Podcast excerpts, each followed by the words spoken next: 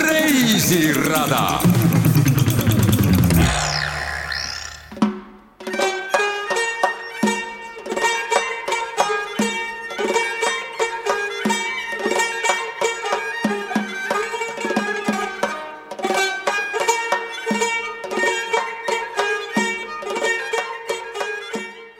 vanatehase Tühermaale jäetakse maha kolm muumiat meenutavat vampu. Ent need ei ole muumiad, need on lapsed ja üks neist hingab veel. kes on see mees, kes niidi otsas rippuva elu päästab? mis roll on täita nende sündmuste keerises vabatahtlikul eestlannal? ja kui palju juhtuvad elus asjad juhuslikult või hoopis sellepärast, et Jumal nii soovis ja kõik on kõigega seotud. saatejuht Jaak Karin kutsub teid sel korral Reisirada saates Tulemaale ja seal Tuulte linna.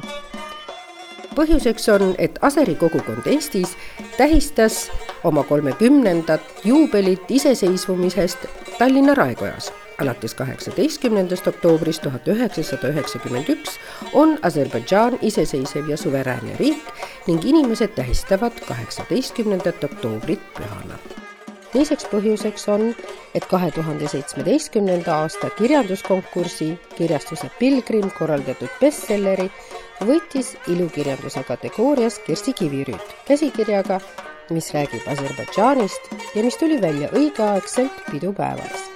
raamatus on musta kulla lõhna ja keerulisi inimsuhteid, erinevate epohhide ja isiksuste ristuvaid saatuseid ning trillerlikku põnevust sealt leiab ka ühenduslülid Eesti ja Aserbaidžaani vahel, sest juba ammu on Kersti Kivirüüt kaotanud oma südame Aserbaidžaanile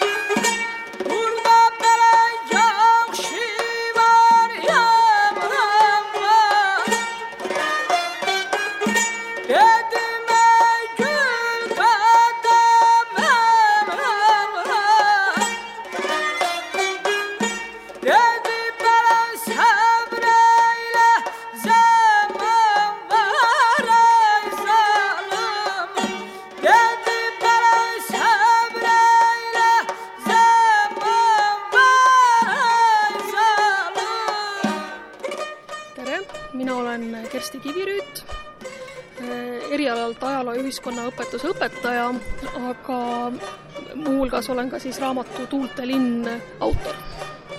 ja kuidas te selle raamatuga alustasite ja miks on ta nimi just Tuulte linn? Eh, alustan sellest teisest poolest, sest sellele on lihtsam vastata. Tuulte linn sellepärast, et see raamat eh, räägib Bakuust ja, või sündmustik toimub Bakuus ja Baku tähendab tõlkes tuulte linn, et väga otsene teema. Aga see raamat ise tegelikult sündis äh, üsna pika aja vältel, et äh, et ma nimelt ise olen äh, ajalooõpetajana töötades teinud päris mitmeid noorteprojekte Aserbaidžaaniga ja, ja see Aserbaidžaan on noh, hinge kasvanud nende aastatega ja, ja siis kuidagi kujunesid sellised pildikesed, mida ma kirja panin ja, ja ühel hetkel hakkas nendest pildikestest kujunema lugu. ja, ja nii ta siis sündis, et, et selline pikem protsess. Mis on teie jaoks Bakuus kõige huvitavam, sest see linn on nüüd viimastel aastatel väga palju muutunud sellest, mis ta oli, ütleme, kümme-viisteist aastat tagasi. Mhm. et, et selles mõttes on jah, see tuulte linn nimetus huvitav, et ühest küljest on see füüsiline märk, et tõesti seal Bakuus on need kaks tuult, Kilavar ja Kasri, mis isekeskis seal mõõtu võtavad ja keerisid tekitavad ja, ja mille järgi see linn on nime saanud, aga see tuulte linn on ka tõesti sümboolselt, et, et see linn muutub tohutu kiirusega ma ise külastasin esimest korda kaks tuhat neli, siis kaks tuhat kaheksa ja siis kaks tuhat kolmteist. ja, ja kõige nende vahemiku jooksul nägin, et linn muutus äh, täiesti peaaegu tundmatuseni, et see tuul tõesti oleks nagu tuul viinud ära noh, sellise vana näo ja toonud uue asemele, et et see ongi veel huvitav, et see muutuste tuuled ju öeldakse eesti keeles, et, et, et see on Bakuus olemas mis on teile Bakuus kõige südamelähedasemaks saanud? noh, inimesed ikkagi, et noh, võib ju öelda, et ilus arhitektuur ja mis on ka ja ajalugu ja kõik, et aga seda kannavad ikkagi inimesed. et, et kui oleks inimesi, siis, siis oleks meil tegemist lihtsalt ju betooni ja, ja muu materjaliga, kivi või, või mis iganes. et noh, inimesed, sõbrad, aga noh, ka tegelased minevikust, et mida rohkem noh, see Aserbaidžaaniga tuttavaks teed ennast, loed, uurid, et seda rohkem kerkib esile ka sellist möö-, möödanikku. nii et, et inimesed. mis on teie jaoks Aserbaidžaani ajaloos sellised märgukivid olnud mm? -hmm selles raamatus, noh, ma olen inspireerunud Zoroastrismi jälgedest Aserbaidžaanis ja, ja minu jaoks on see selline müstiline ja ja, ja, ja hästi atraktiivne noh, moment või, või selline aeg või peegeldus Aserbaidžaani ajaloost.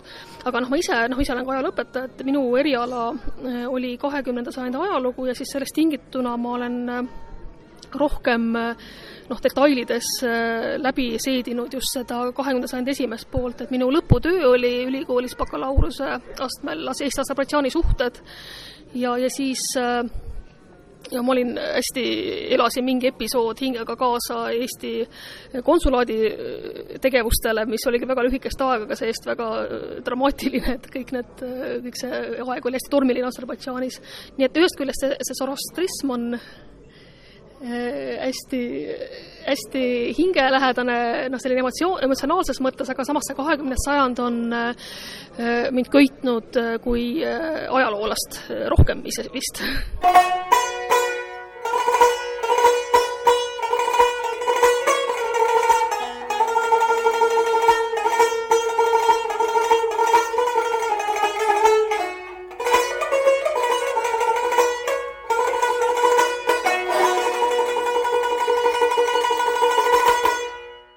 Vene tsaari impeeriumist iseseisvusid äh, mitmed riigid.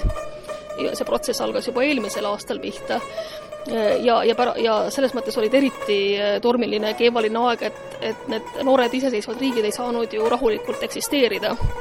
et ju teamegi Eesti ajaloost, et meil hakkas samal aastal ju vabadussõda, aga, aga Aserbaidžaanis oli samamoodi et, et tegelikult kogu see Venemaa kodusõda oli ka seal, Aser-, Bakuus oli, Baku oli üks nendest linnadest, kuhu jõudsid ka kuhu Antanti sõjalaevad, et oli lootus Antandil, et kui sõjalaevad on suurtes sadamalinnades, et ehk siis nad toetavad Vene valgekaartlasi, aga kahjuks noh, me siis tagant, tagasiulatuvalt peame need lootused ei täitunud, nii et tegelikult Aserbaidžaani vabariik sai väga lühikest aega eksisteerida ja, ja tegelikult juba paari aasta pärast oli siis äh, loodud Taga-Kaukaasia Föderatiivne äh, Nõukogude Vabariik ja, ja, ja see iseseisvuse rõõm oli siis lõppenud. nii et, et äh, ühest küljest oli rõõmu, teisest küljest ka väga palju tragöödiat neil aastatel, kui niimoodi väga lühidalt kokku võtta.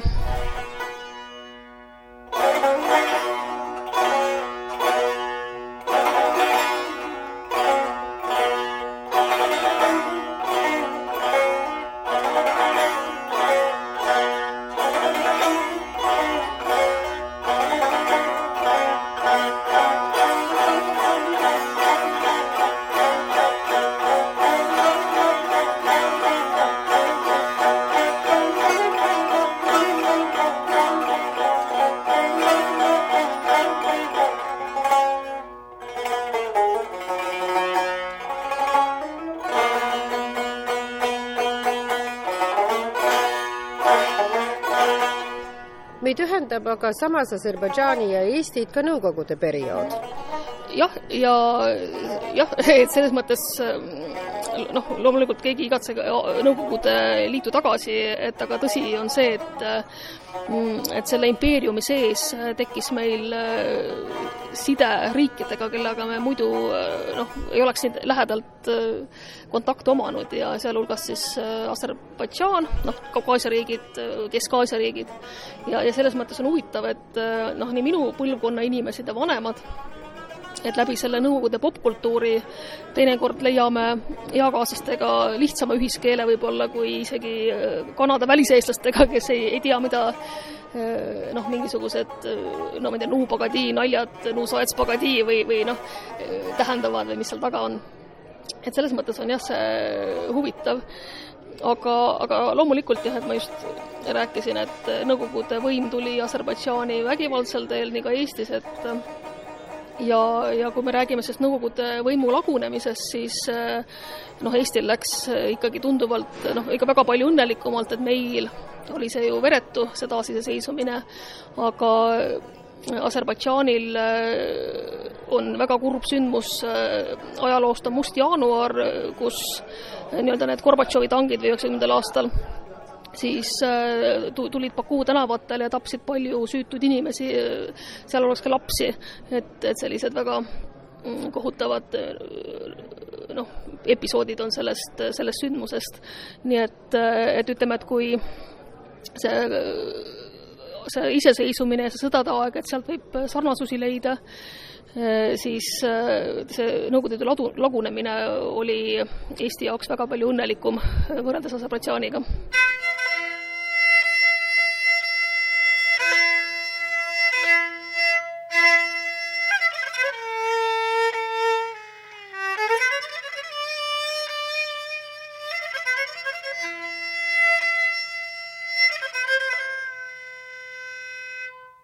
Aga kui me tänasele Aserbaidžaanile vaatame, aastal kaks tuhat kaheksateist, siis kuidas võiks teda täna iseloomustada peale selle, et seal on suurepärane üllatav arhitektuur, et paljud asjad on muutunud äh, ja hea meelega vastan, sest ma olen hästi palju mõelnud selle peale. Kui räägitakse Aserbaidžaani iseseisvumisest, siis äh, mulle meeldib, et rõhutatakse, et esimene islamidemokraatia ja ma näen praegu ka, et, äh, et Aserbaidžaan asub väga tulises piirkonnas, teisel pool piiri on ju Iraan, Lähis-Ida riigid, ja Aserbaidžaan on Euroopa Nõukogu liige. ja, ja ma näen, et et ta võtab seda rolli Euroopa Nõukogus võrdlemisi tõsiselt. näiteks kui oli Eurovisiooni lauluvõistlus äh, kaks tuhat kaksteist oli vist, et äh, noh, on üks väga tundlik teema, noh näiteks äh, noh, seksuaalvähemuste õigused ja see on selge, et islamiriigis ei ole see selline väga meeldiv teema, aga ometi Aserbaidžaan suutis äh, seal Iraani ja Euroopaga noh, sellise laveerida selle niivõrd tundliku teemaga, et kui seal äh, sooviti teha, vist oli miitingut või mingi marss oli mingi teema, Iraan protesteeris, aga, aga siis selles olu-, hästi sellises tundlikus olukorras Aserbaidžaan ütles äh, või siis Iraanile sõnum, et ühesõnaga, et ta suutis diplomaatiliselt selle olukorra ära lahendada, et nii Iraaniga suhted säilisid kui ka Euroopaga, et et selles mõttes, et see inimõiguste kaitse on tundlik teema Aserbaidžaanis, aga samas ma näen, et, et ta ei ole selline regresseeruv, et, et pigem on see balansi hoidmine ja, ja, ja on lootust, et et Aserbaidžaan näitab teed siis äh, sellise islamidemokraatia hariduse äh, arengule, et, et ma tõesti usun sellesse, et aga selle nimel on loomulikult vaja hästi palju tööd teha. kui me võtame nüüd teie raamatu, siis mida me leiame sellest kõike, millest tegelikult enamus meist, eestlastest, ei tea? Äh, noh, seda raske öelda, et ma, eks ma olen selle enda infoväljas kirjutanud või noh, ma kirjutasin selle hästi palju tuginedes minu enda noorsootöö kogemusele, et me tegime kokku noh, siiani kolm projekti Aserbaidžaaniga, ma loodan, et see koostöö jätkub.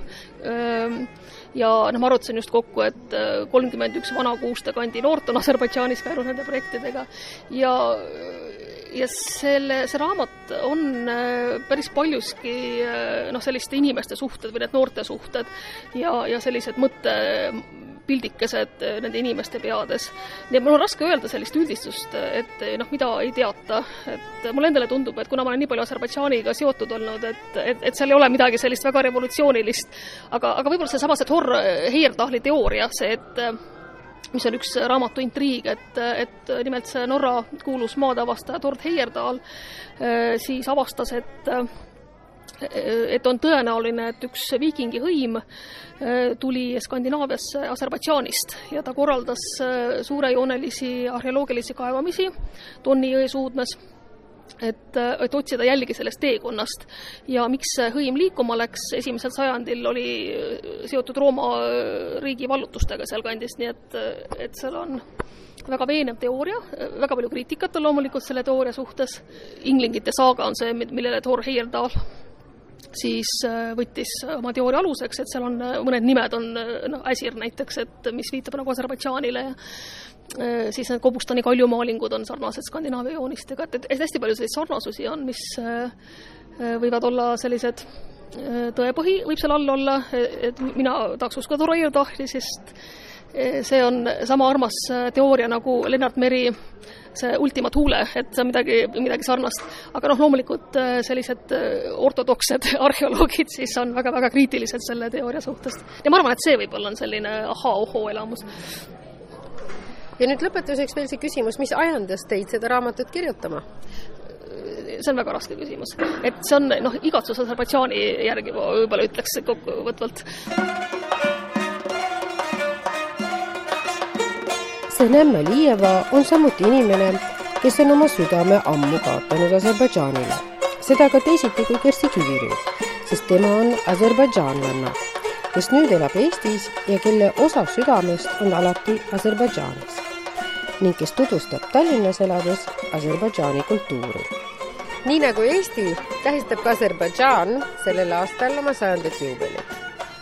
jah sellel nagu Eesti, meil on väga-väga nagu sarnased äh, ajalood selles suhtes, et Aserbaidžaanis ka tuhande üheksasaja kaheksateistkümnendal aastal, kakskümmend kaheksa mai ja kuulutas välja Aserbaidžaani iseseisvuse. kahjuks Eestis vedas sellel puhul natuke paremini kui Aserbaidžaanis. Aserbaidžaanis esimene vabariik elas ainult kaks aastat ja Punaarmee tuli juba tuhande üheksasaja kahekümnendal aastal juba Aserbaidžaani ja kakskümmend kaheksa aprill juba see lagunes see esimene selle vabariigi, Aserbaidžaani vabariik mida sa näed, et sellest ajast peale, kui nüüd Aserbaidžaani iseseisvus on taastatud, mis on toimunud Aserbaidžaanis?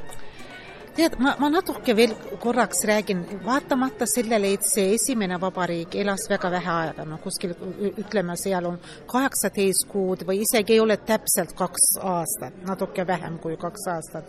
aga juba tol ajal on tehtud hästi palju asju, mis oli minu jaoks väga suur üllatus, et Aserbaidžaani naised juba tuhande üheksasaja üheksateistkümnendal aastal juba said oma valimisõigused. tegelikult Euroopa riikides isegi, mida me nimetame Vana-Euroopa riigid, Prantsusmaa, Saksamaa, isegi nendel see naised said valimisõiguse pärast peale Aserbaidžaani, vot see, see, mu see on kohe uhke selline tunne oli, kui ma selle ise ajaloos avastasin ja pärast uurisin ja siis oli see täpne see informatsioon. Ja see, see oli väga hea. üldiselt too ajal oli väga-väga see demokraatlik riik Aserbaidžaanis ja kõik vähe, vähemusrahvused, kes elas, elasid Aserbaidžaanis, olid esindatud esimese vaba, vabariigi selles parlamendis, see ka väga too aja, too aja jaoks. nüüd ja see on teistsugune maailm ja teistsugune juba käivad asjad teistsuguselt, aga too ajal see oli ka väga suur, ütleme, positiivne näite selleks ajaks. aga nüüd ja Aserbaidžaan taastas oma iseseisvuse tuhande üheksasaja üheksakümne esimesel aastal, jälle siin oleme sarnased, muide Eesti, Eesti esimene vabariik elas natuke, mitte natuke, päris kauem kui Aserbaidžaani esimene vabariik. Ja taastas peale seda, no Aserbaidžaani jaoks olid veel väga keerulised ajad, üheksakümnendatel aastatel. esiteks üheksakümnenda aasta algus, kaheksakümmend jaanuar, kakskümmend jaanuar, see on meie, meie jaoks must jaanuar, me nimetame see Vene Nõukogude armee eh, sisse tugimine ja hästi palju sajandeid inimesi seal on hukutati ja eh, nende hulgas naised ja mina elasin veel tollal, tol ajal Aserbaidžaanis ja Bakuus, mina ka olin selles, ma nüüd mõtlen tagantjärgi, issand, mina ka olin nende inimeste hulgas, kes karjuski vabadus, vabadus, vabadus. mis inimesed tahtsid vabadust ja selle eest nad saidki selle, sellise löögi. see oli suur tra tragöödia tegelikult terve see Aserbaidžaan Aserbaidžaani jaoks. ja siis pärast algas Mägim-Karabahhis see sõda Armeeniaga ja seega tõid kaasa hästi palju põgenikke, üle miljoni põgenikud. tänapäeval, kui nii võtta, Aserbaidžaanis elavad ju üle miljoni põgenikke ja selle, nii suur arv tegelikult, aga Aserbaidžan ise ju sai hakkama ise Aserbaidžan kunagi ei küsinud kellegi käest, et abi, ise sai hakkama sellega. no muidugi Aserbaidžanis on nafta, Aserbaidžanis on gaas ja hästi paljus äh, projekte tehakse selle kallal, Ceyhan, Baku ja Tbilis naftatoru, Ceyran, Bahu ja Kars äh, gaastoru ja, ja veel, veel edasi mitmed sellised suured projektid, mis toobki Aserbaidžaanile edu, aga see probleem, mis algas üheksakümnendate alguses, Mägi-Karabahhi probleem, probleem, sõja, sõda ja see ongi veel lahendamatud, see on suur Aserbaidžaanile suur probleem. Senem, sina oled ju siin Eestis Aserbaidžaani kultuuri esindaja. mis on Aserbaidžaani kultuuris nüüd iseseisvumise ajal toimunud?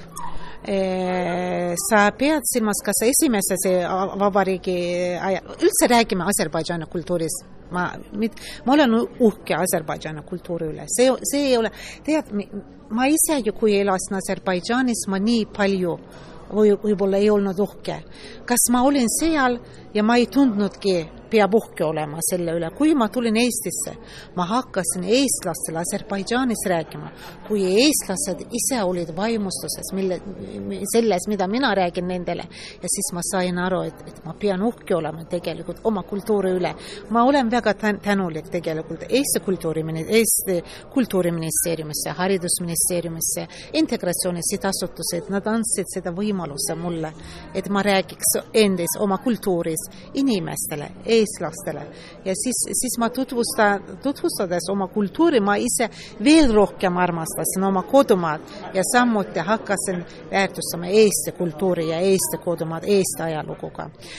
kui rääkida kultuurist, näiteks ma, miks ma olen uhke, sellepärast et näiteks kui võtta terve muslimimaailm, islamiriigid, esimene ooper oli loodud Aserbaidžaanis, see oli tuhande üheksasaja kaheksateistkümnendal aastal esimene professionaalne eh, helilooja üldse muslimimaailm, islamiriikides on Uzeir Hadžibejev.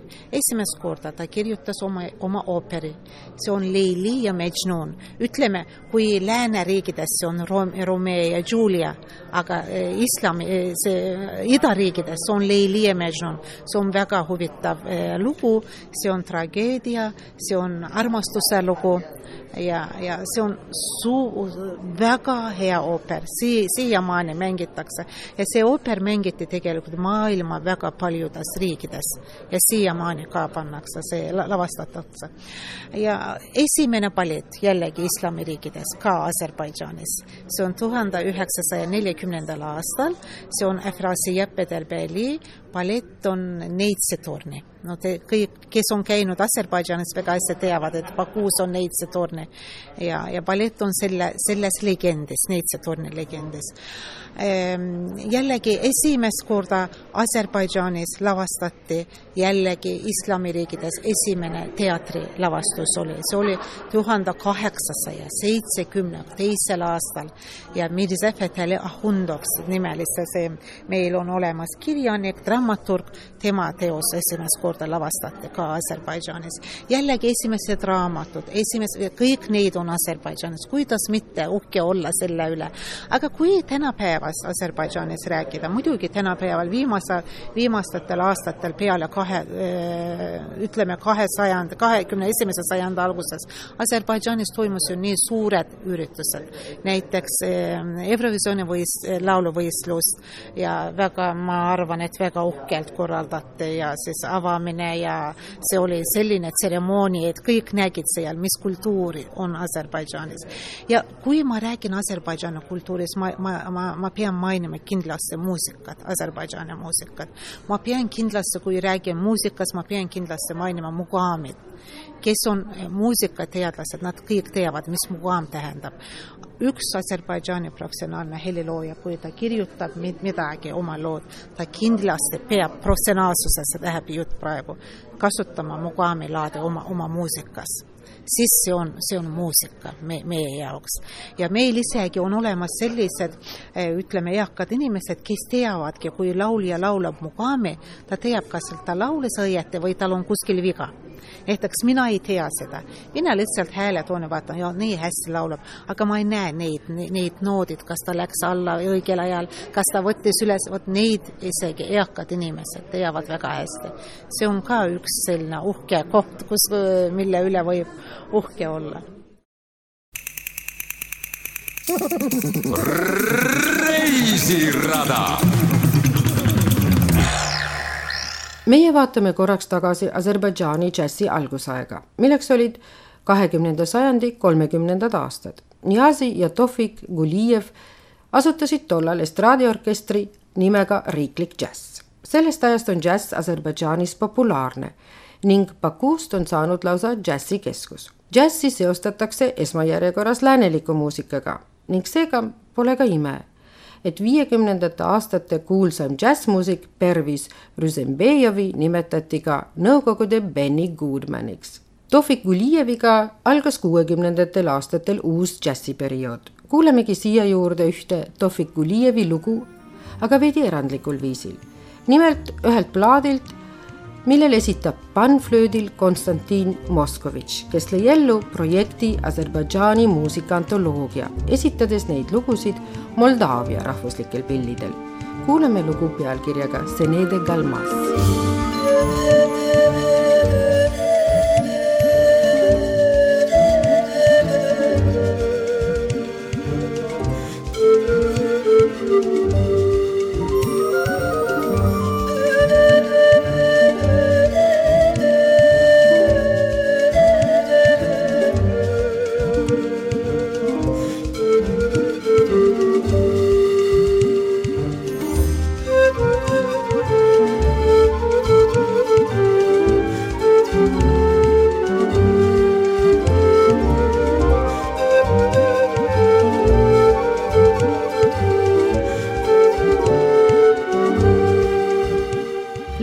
Aga ka moodsama džässivariandi juurde ja nimelt lauljatari juurde, kelle nimi on Aziza Mustafazada, kes on samas ka helilooja ning pianist, nagu ta kuulus džässimuusikust isa seda oli.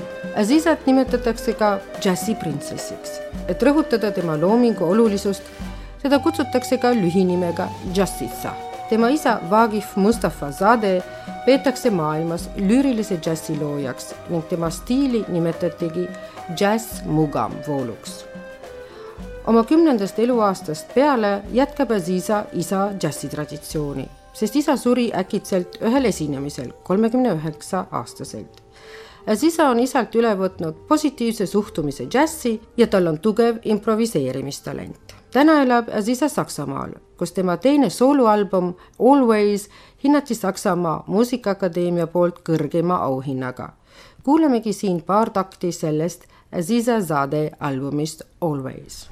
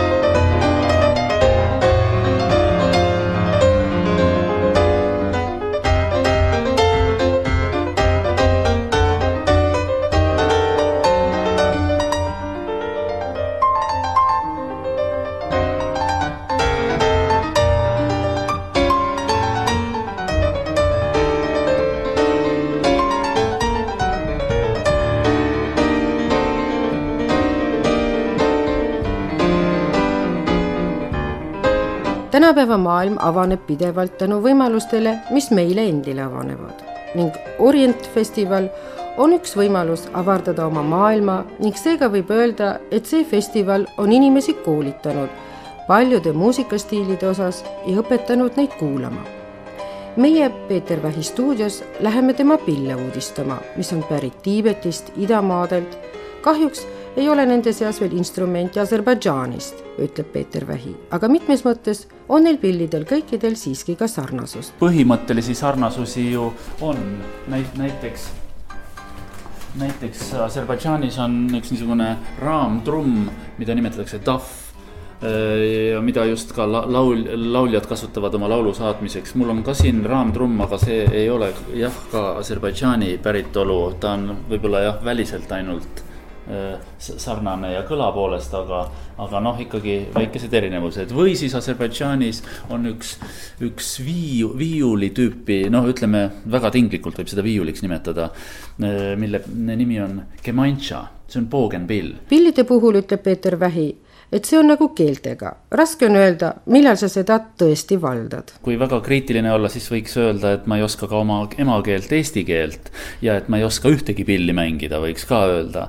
aga noh, mingil tasemel ma oskan jah, päris mitmeid ja, ja eks ma see, tähendab, see pillide valik on mul ka natuke just sellest tule, tuleneb, et et ma toon sageli kaasa just pille, millel võib-olla on siiski võimalik midagi mängida, et ei ole mõtet äh, näiteks tuua mingit ülikeerulist pilli, mida ma tean, et see ainult suveniirina seisab siin ja kogub tolmu ja suure tõenäosusega lõpuks kuivab lõhki, kuna meie kliima on erinev. Äh, et ma üritan tuua jah, lihtsamaid pille, kas siis löökpille või või siis eh, noh, näiteks nagu siingi kõrval, eh, see on India pill, Tanpura, seda ma sageli olen kontserditel eh, kasutanud, kui on esinemised koos India muusikutega. et, et see on niisugune teadlik pillide valik. ja me kuulamegi ühte, mille heli võib kohata ka Aserbaidžaanis. aga kui seda kätega mängida, siis ta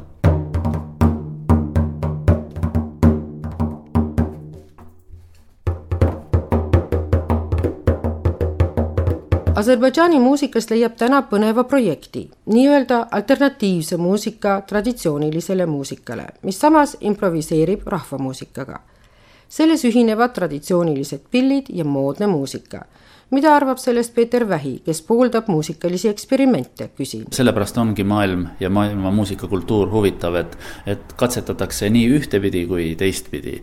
ei pea jääma kogu muusika nii, nagu seda on tuhat aastat või sada aastat või kakssada aastat tehtud. et noh, see ongi, see ongi muusika areng, nii et ma, mina suhtun, peangi suhtuma äh, loomulikult hästi sellesse, sest ma ise olen ju ka loominguline inimene, eelkõige helilooja. projekti nimi on Bizim Killer, mis tõlkes tähendab meie oma ning mille hingeks on rahvusvahelisus, kaasates Aserbaidžaani tuntumaid muusikuid, kes mängivad üle maailma tuntud lääne popi, rokki, džässi ja bluusi. selles on Ukrainat ja Venemaad. ühte lugu esitati intervallidena iga päev Bakuus aset leidnud Eurovisioonil kuni finaalini.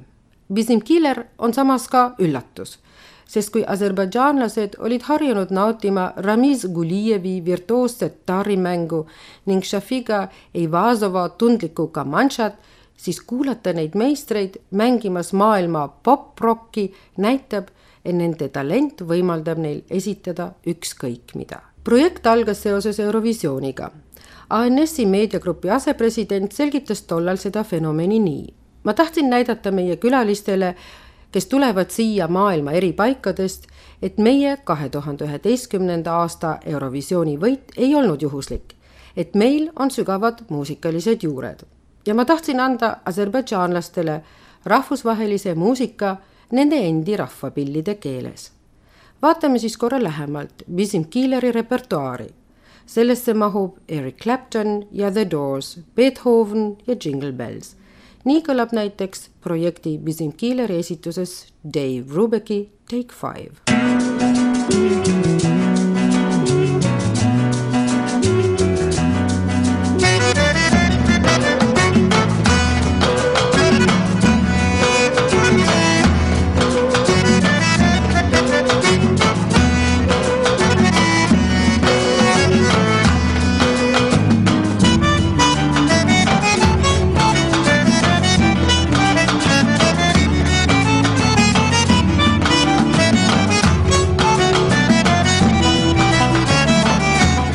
Ja jälle kõlab Aserbaidžaani muusikas läbi traditsiooniline mugam.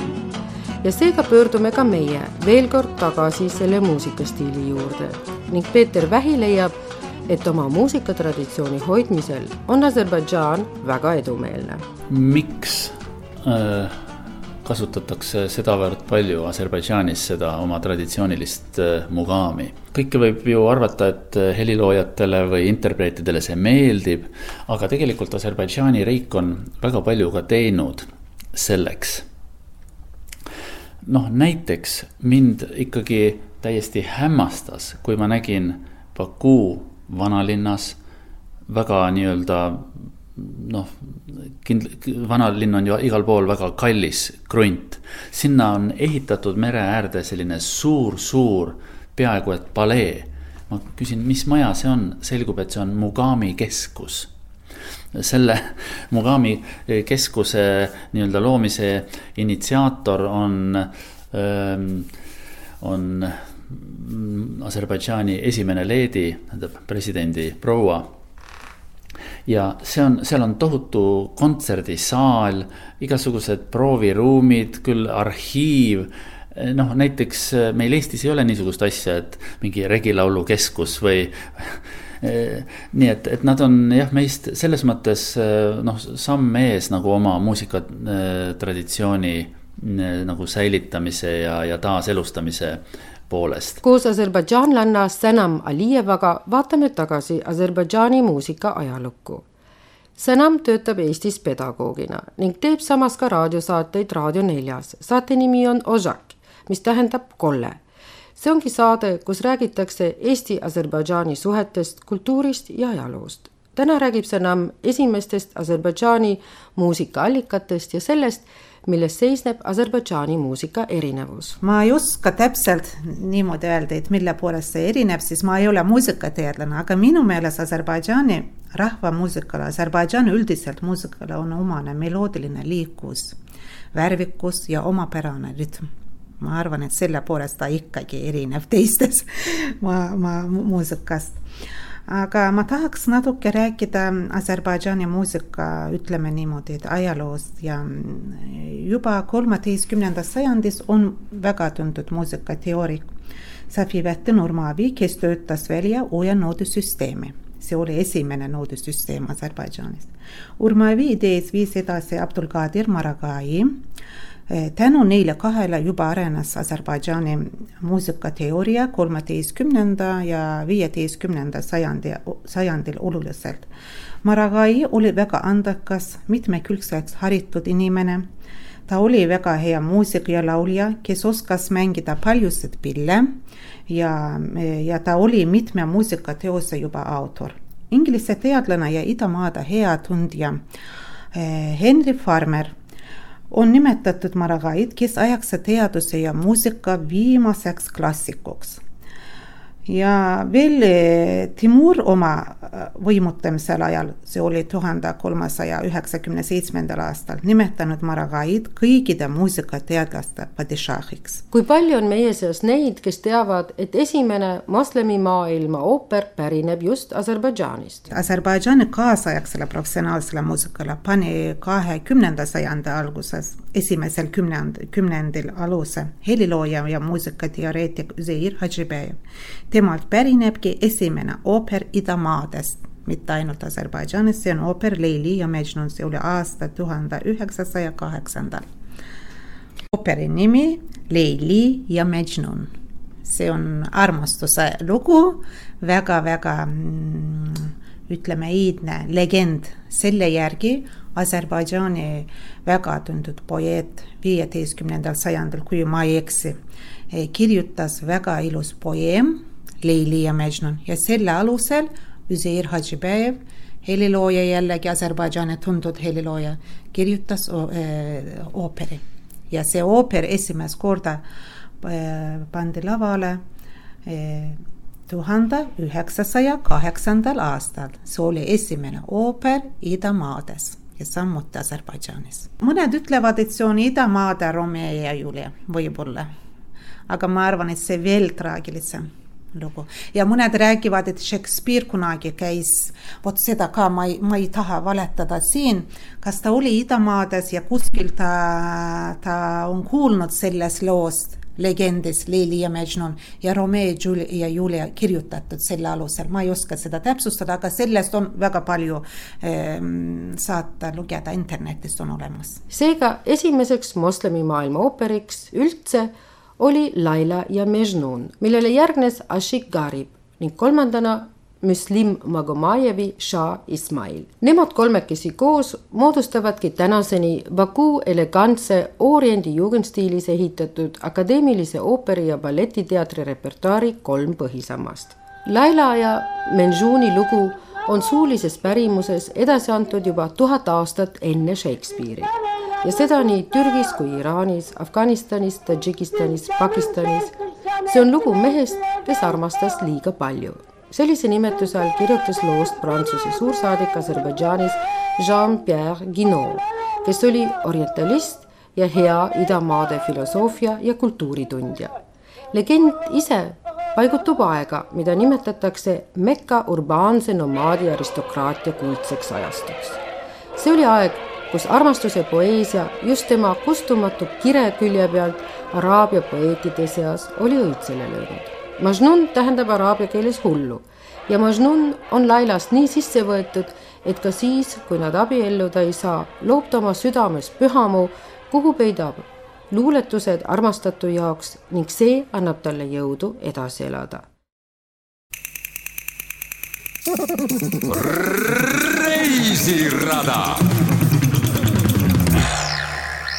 tänapäeva Aserbaidžaani muusikast räägime me alates kahekümnenda sajandi algusest. alustab Hanüseir Hadžibejev kahekümnenda sajandi alguses ja juba kahekümnenda sajandi keskel sedeles Aserbaidžaanis oma heliloojate koolkond, see on maailma tuntud heliloojad, Kara Karajev, Fikret Amirov, Adgüzel Hadžijev, äh, Niazi, Said Rüstamov, Tofik Kulijev, Arif äh, Melikev, Džahangir Džahangirov, Rauf Hadžijev ja, ja nii edasi, neid on väga palju, mis oli tuntud ka väljaspool oma riigi piire.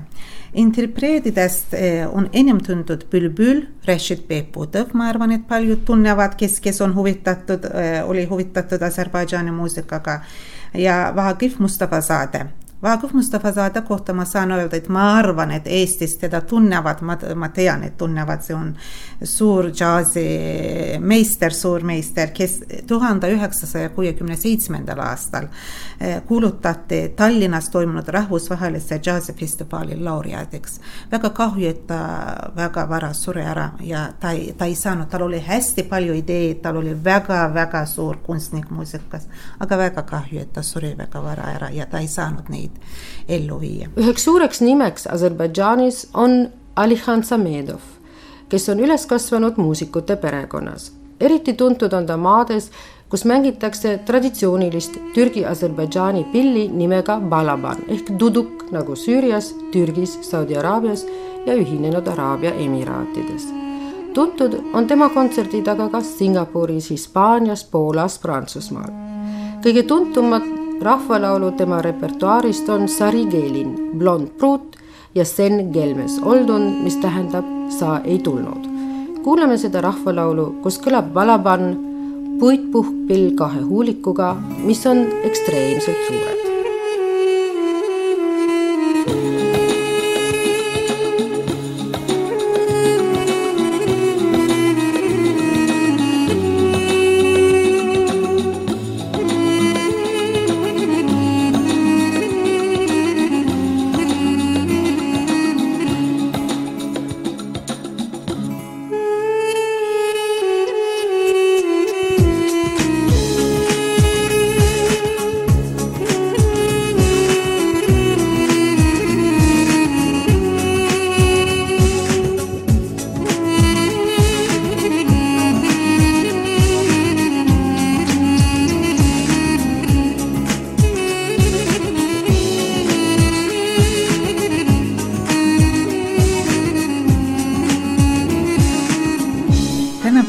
Aserbaidžaanis palju tähelepanu pööratakse muusika arenemisele ja Aserbaidžaani muusika tutvustamisele.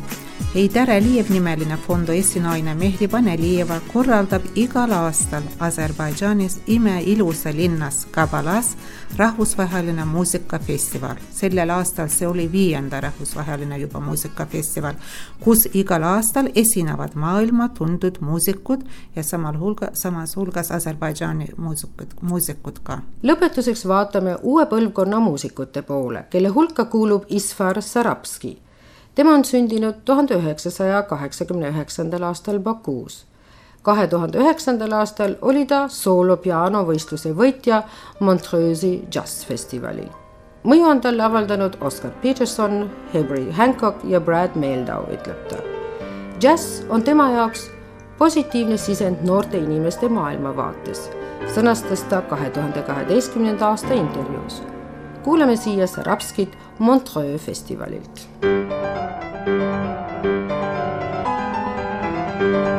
kahe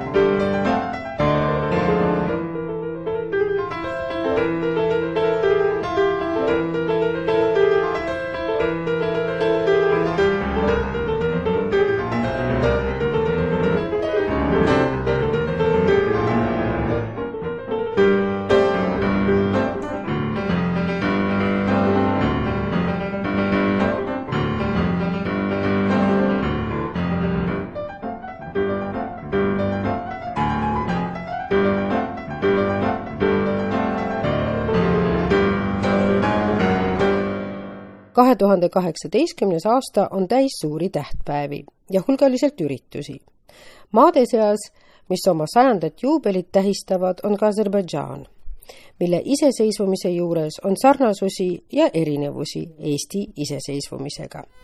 ettevaatlik tuleb ainult olla, et ka teie süda ei jääks Aserbaidžaani. saate tehnilise külje eest vastutas Veiko Rebane. saade jääb kuulatavaks Kuku raadio